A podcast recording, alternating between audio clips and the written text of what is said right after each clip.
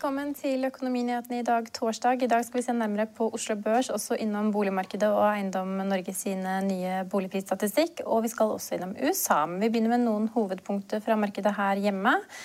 Oppdrettsselskapet Movies, som er opp 21 siden nyttår, steg 4-5 fra morgenen av i dag. når Dea Markets er ute med en ny analyse der de tar aksjer fra hold til kjøp med kursmål 245 kroner.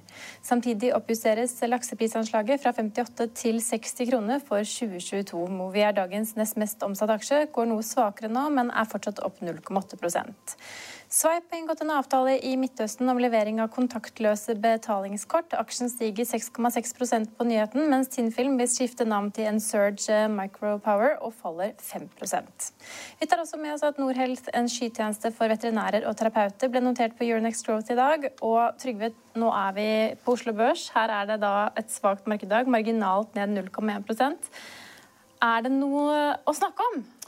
Nei, altså egentlig ikke. Men nå har vi fått musikk i studioet her, så det er kjempefint. Kanskje på musikk. vi får bare snakke, for jeg tror ja. ikke lytterne våre hører det. Eller seerne våre. Vi har fått noe sånn musikk i studio. Ja, Men Trygve, Oslo Børs. Ja. Oslo Børs. ja. Nei, altså det, det, startet jo ganske raskt opp, da. Så det var jo nesten 1 opp i, på begynnelsen av dagen. Så har det falt tilbake, som du sier, så er det ned 0,2% eller 0,1% Så det er i praksis er det en veldig kjedelig dag. og Hvis man ser på børsstyrelsen, så er det masse uspennende ting. Det er liksom litt opp og litt ned. og Det er, liksom, det er ikke noe jeg kan trekke ut av det. Så jeg tenkte liksom, hva ville Line spørre om? Hva var hovedtrekkene? Hva var driveren i markedet? Og I dag så ser jeg ingen driver i markedet annet enn at det kanskje er litt sug i, i, i oppdrettsaksjene. Kanskje lite grann. Det kommer noen anbefalinger på oppdrettsaksjene, og det, kursmålene settes litt opp, men det er en bitte liten driver i markedet. Og på, på, oljesiden så er det ikke noe nytt i forhold til i går. Det at oljeprisen har vært opp i 72 dollar per fat, så vidt. Så har det falt tilbake og ligger nå på 71,5 dollar per fat. Det betyr egentlig at de fleste fortsatt tror at det er, en, eh, det er etterspørsel nok blant dem som tror da det at prisen skal opp. Fordi at da verden vil bruke mer olje og kjøpe mer olje. Samtidig som de tror at OPEC klarer å, liksom, å regulere tilbudssiden såpass hardt at prisen holder seg. Det er det man tror akkurat nå. Men det har jo vært en nokså god børsuke, kanskje drevet av de oljerelaterte nyhetene fra tidligere i uken av. Eh, kan det hende at nordmenn rett og slett er ute og nyter sommersolen, og vi har Nei, sånn siesta-stemning i markedet? Nei, jeg tror ikke det betyr så mye for markedet, men det, men det er altså, det, det, Oljeprisen styrer iallfall ikke markedet i dag. Altså, man, man, tror det kommer til å ligge ganske høyt foreløpig at OPEC er flinke og kommer til å få det til. Og så ligger de der, og så får de da ikke noe særlig utslag på Hvis du ser på de enkelte aksjene, så er det ikke noe særlig utslag på oljeaksjene. Det er heller ikke noe særlig utslag på oljeserviceaksjene. Så da kan man liksom glemme oljesektoren i dag. Og så er det liksom i morgen eller om en måned Man kjøper jo aksjer ikke for alle én dag, men kanskje for alle tre måneder eller seks måneder eller tolv måneder.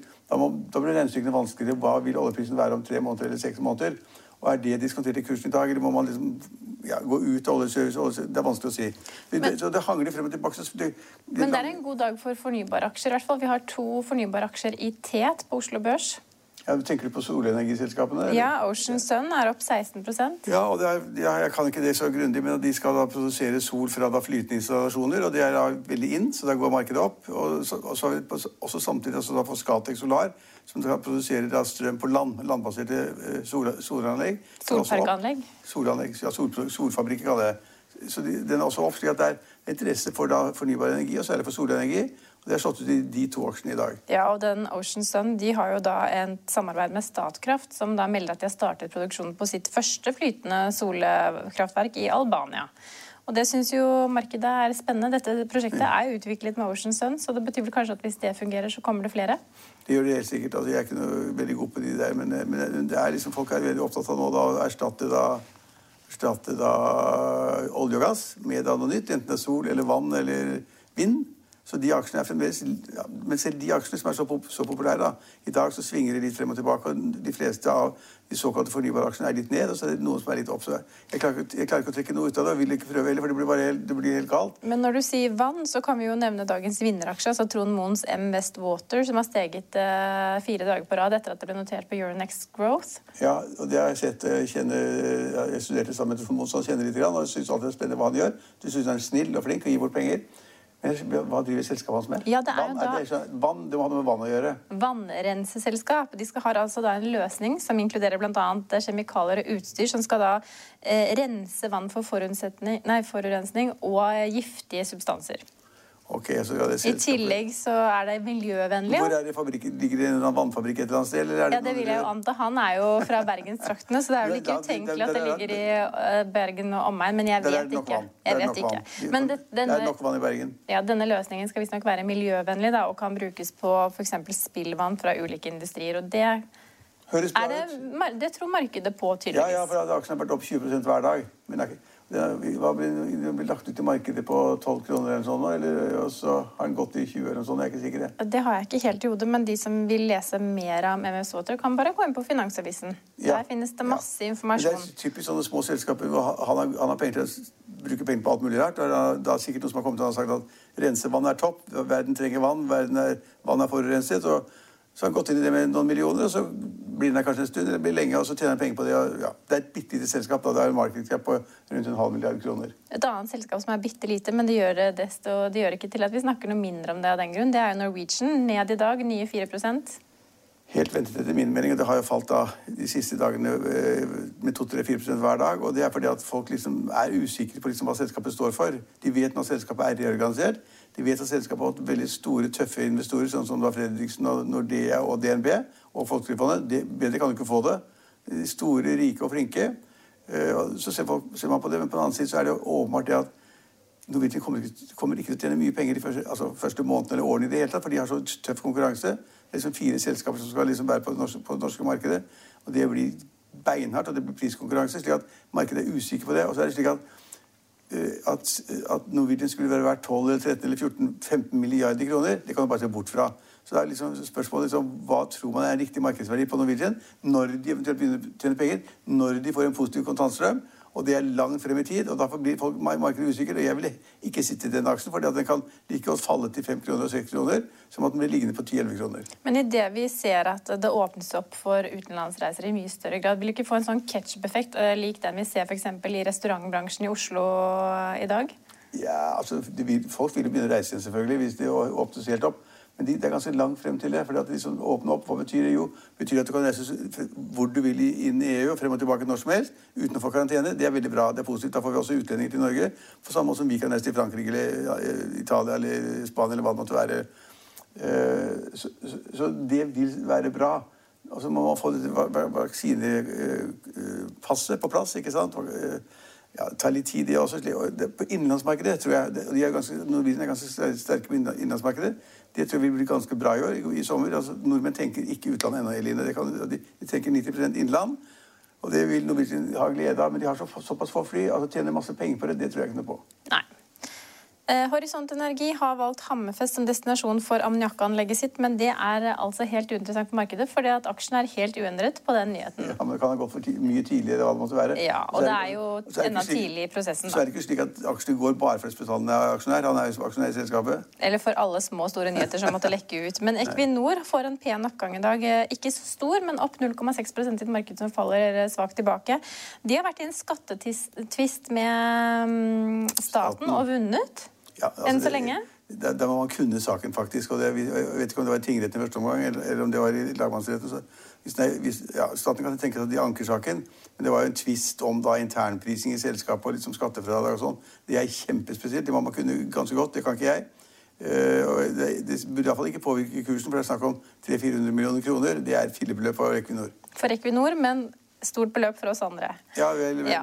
De har da vært i en skattetvist eh, fordi skattemyndigheten mente at selskapet solgte våtgass for billig ja, internt intern, i systemet. Det er en sånn teoretisk praktisk internprisingssak som er helt umulig for utenforstående å kunne noe om. Da må man sette seg ned dommen. Den er sikkert på 2000 sider, for det jeg vet. Det kan jeg ikke noe om, og det burde ikke påvirke kursen i det hele tatt. Nei. Men eh, det som påvirker oss, da, i hvert fall vi som eier bolig, det er jo eiendomsmarkedet. Ja, og det er veldig spennende, for nå fikk vi jo nye tall i dag. Eh, og, de viste en tendens som for så vidt ikke var så vanskelig å forstå. De viste at liksom på landsbasis så steg prisene 1 i mai. Eh, det var ikke så mye, men det var, en, det var en oppgang sterkere enn veldig mange hadde trodd. Og så fikk vi en nedgang i Oslo, tredje måned på rad, 0,6 sesong, sesongkorrigert. Det betyr at prisene faller svakt i Oslo. Og så er spørsmålet da liksom, vil de fortsette å gjøre det.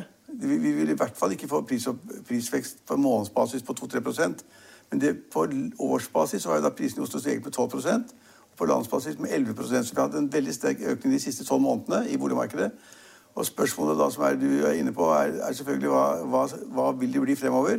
Og det som er interessant, det er den nye diskusjonen som vi ikke har hatt før. Det er det at folk har vært så mye hjemme, oppdaget kanskje at de bor trangt, syns at de kanskje trenger en større bolig, større leilighet.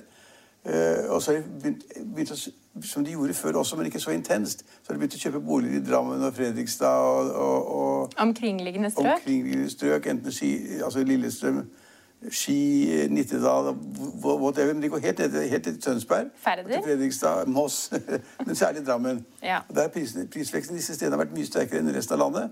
Og det kan skyldes jeg ikke, vet ikke sikkert, det kan skyldes at folk nå sier at jeg orker ikke mer. Den boligen jeg har i Oslo er for liten. Den boligen jeg har i Oslo er for dyr. Den boligen jeg eventuelt skal kjøpe ny i Oslo, blir enda dyrere. La oss heller se på et flott hus i Tønsberg eller i Moss eller i Drøbak. Flere av våre medarbeidere bor i Drøbak. Så hvorfor ikke liksom gå utenfor Oslo, få mye mer for pengene? Eh, og det tror jeg mange har begynt å tenke på. Da blir det litt skumlere i Oslo. Hvis det er en sånn gjennomgående eh, trekk, så vil da kanskje prisveksten i Oslo bli lavere enn man trodde før. Og i tillegg kommer det moment som ikke noen gidder snakke om, men det er at innvandringen er mye mindre enn før. Arbeidsinnvandringen er mye mindre før. Den er nesten stoppet opp. Ja, og Baserer man tallene på det siste året, så har det vært unntakstilstand, da. Ja, men poenget er at man får at man, altså asyl, eh, Asylsøkere får vi ikke. Og så er det slik at De som da kommer hit som skal ta arbeid, enten fra EU-områder eller andre steder, de får, kommer ikke inn. Da må de ha karantene og alt det tullet der. Så det er Tilveksten av liksom, ny, altså, nye etterspørrere, nye bo, altså de som skal bo i boliger i Oslo, er mye mindre. Så det er mindre etterspørselspress pga. helt naturlige årsaker, som kommer kanskje til å gå over. Men kombinert med det at uh, boligene i Oslo er blitt veldig dyre. Ja. Altså, liksom, du betaler nesten 100 000 per kvadratmeter for en Obos-leilighet. ikke sant? ja, 80 000-90 000 eller sånn nå. Ja. Og, og, og, når du får litt luksusleilighet, så koster de 200 000 per kvadratmeter. Det er ingen som skjønner det. Så prispresset i Oslo er stort. Prisveksten har vært veldig høy. Det kan godt tenkes at det da har falt tre måneder på rad og kommer til å fortsette å falle noen måneder fremover. Fordi folk vil søke andre markeder. De vil heller sitte i bil i 20 minutter og kjøpe en bolig og få den fem millioner billigere enn å, enn å lete etter noe nytt i Oslo. Ja, 20 minutter, da kommer du så vidt forbi Lysaker når det er morgenrush og morgenrush og ettermiddagsrush. 20 minutter kommer du kjempelangt hvis du ikke sitter i kø. ikke sitter i kø, ja. Men det er jo litt interessant det du sier, for vi baserer jo absolutt alt nå på et unntaksår, ikke sant. Fordi at nå har man sittet på hjemmekontor, og det har fungert bra. Men tror ikke du at arbeidsgivere der ute nå ser frem til å få de ansatte tilbake på jobb. Man hadde jo en sånn veldig giv ikke sant, i begynnelsen av korona hvor alle ga alt på hjemmekontor. Og så har det kanskje dabbet litt av. Mangel på motivasjon, mangel på det å omgås kollegaer.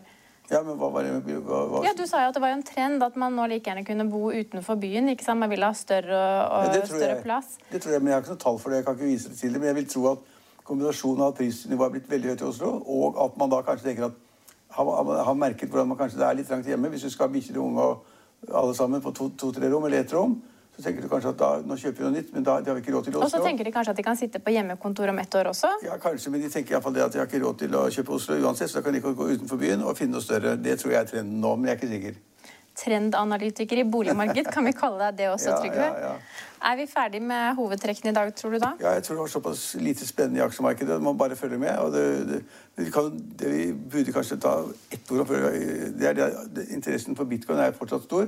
Masse slår opp på prisene hele dagen og følger med. Eh, og det vi har sett, bare for å gjenta det, det er det at bitcoin-prisen var jo oppe i 40, 60 000? Ja, 6, altså 65 66 67 000 dollar per enhet. Og så har den vært nede i rundt 30 og steget tilbake til 35 36 000 dollar per enhet. Men det er et kjempefall. Og det viser det jeg har sagt hele tiden, at det er kjempefarlig virkelig farlig å være i den type ting som bitcoin. Fordi at du får en oppgang. Alle syns det er kjempeflott, kaster seg på, vil gjerne være med på oppgaven. Og så plutselig av en eller annen årsak som vi ikke vet noe om, kanskje det at uh, en eller annen person uttaler seg sier, sier noe negativt, så stuper den uh, bitcoin-kursen og faller fra da 67 000 dollar per enhet til noen og 30 er stort. Hvis du, hvis, du, hvis du, hadde trodd du kunne oppleve det med boligen din eller med noen aksjer, så ville du aldri kjøpt det. Nei. Nei. Luft vil man ikke betale for mye for. Nei.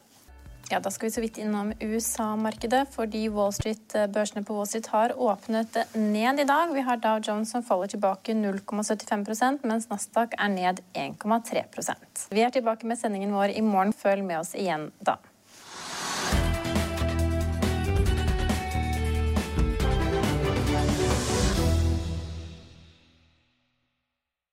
Økonominyhetene er en podkast fra Finansavisen. Programledere er Marius Lorentzen, Stein Ove Haugen og Benedikte Storm Bamvik. Produsenter er Lars Brenden Skram og Bashar Johar. Og ansvarlig redaktør er Trygve Hegnar.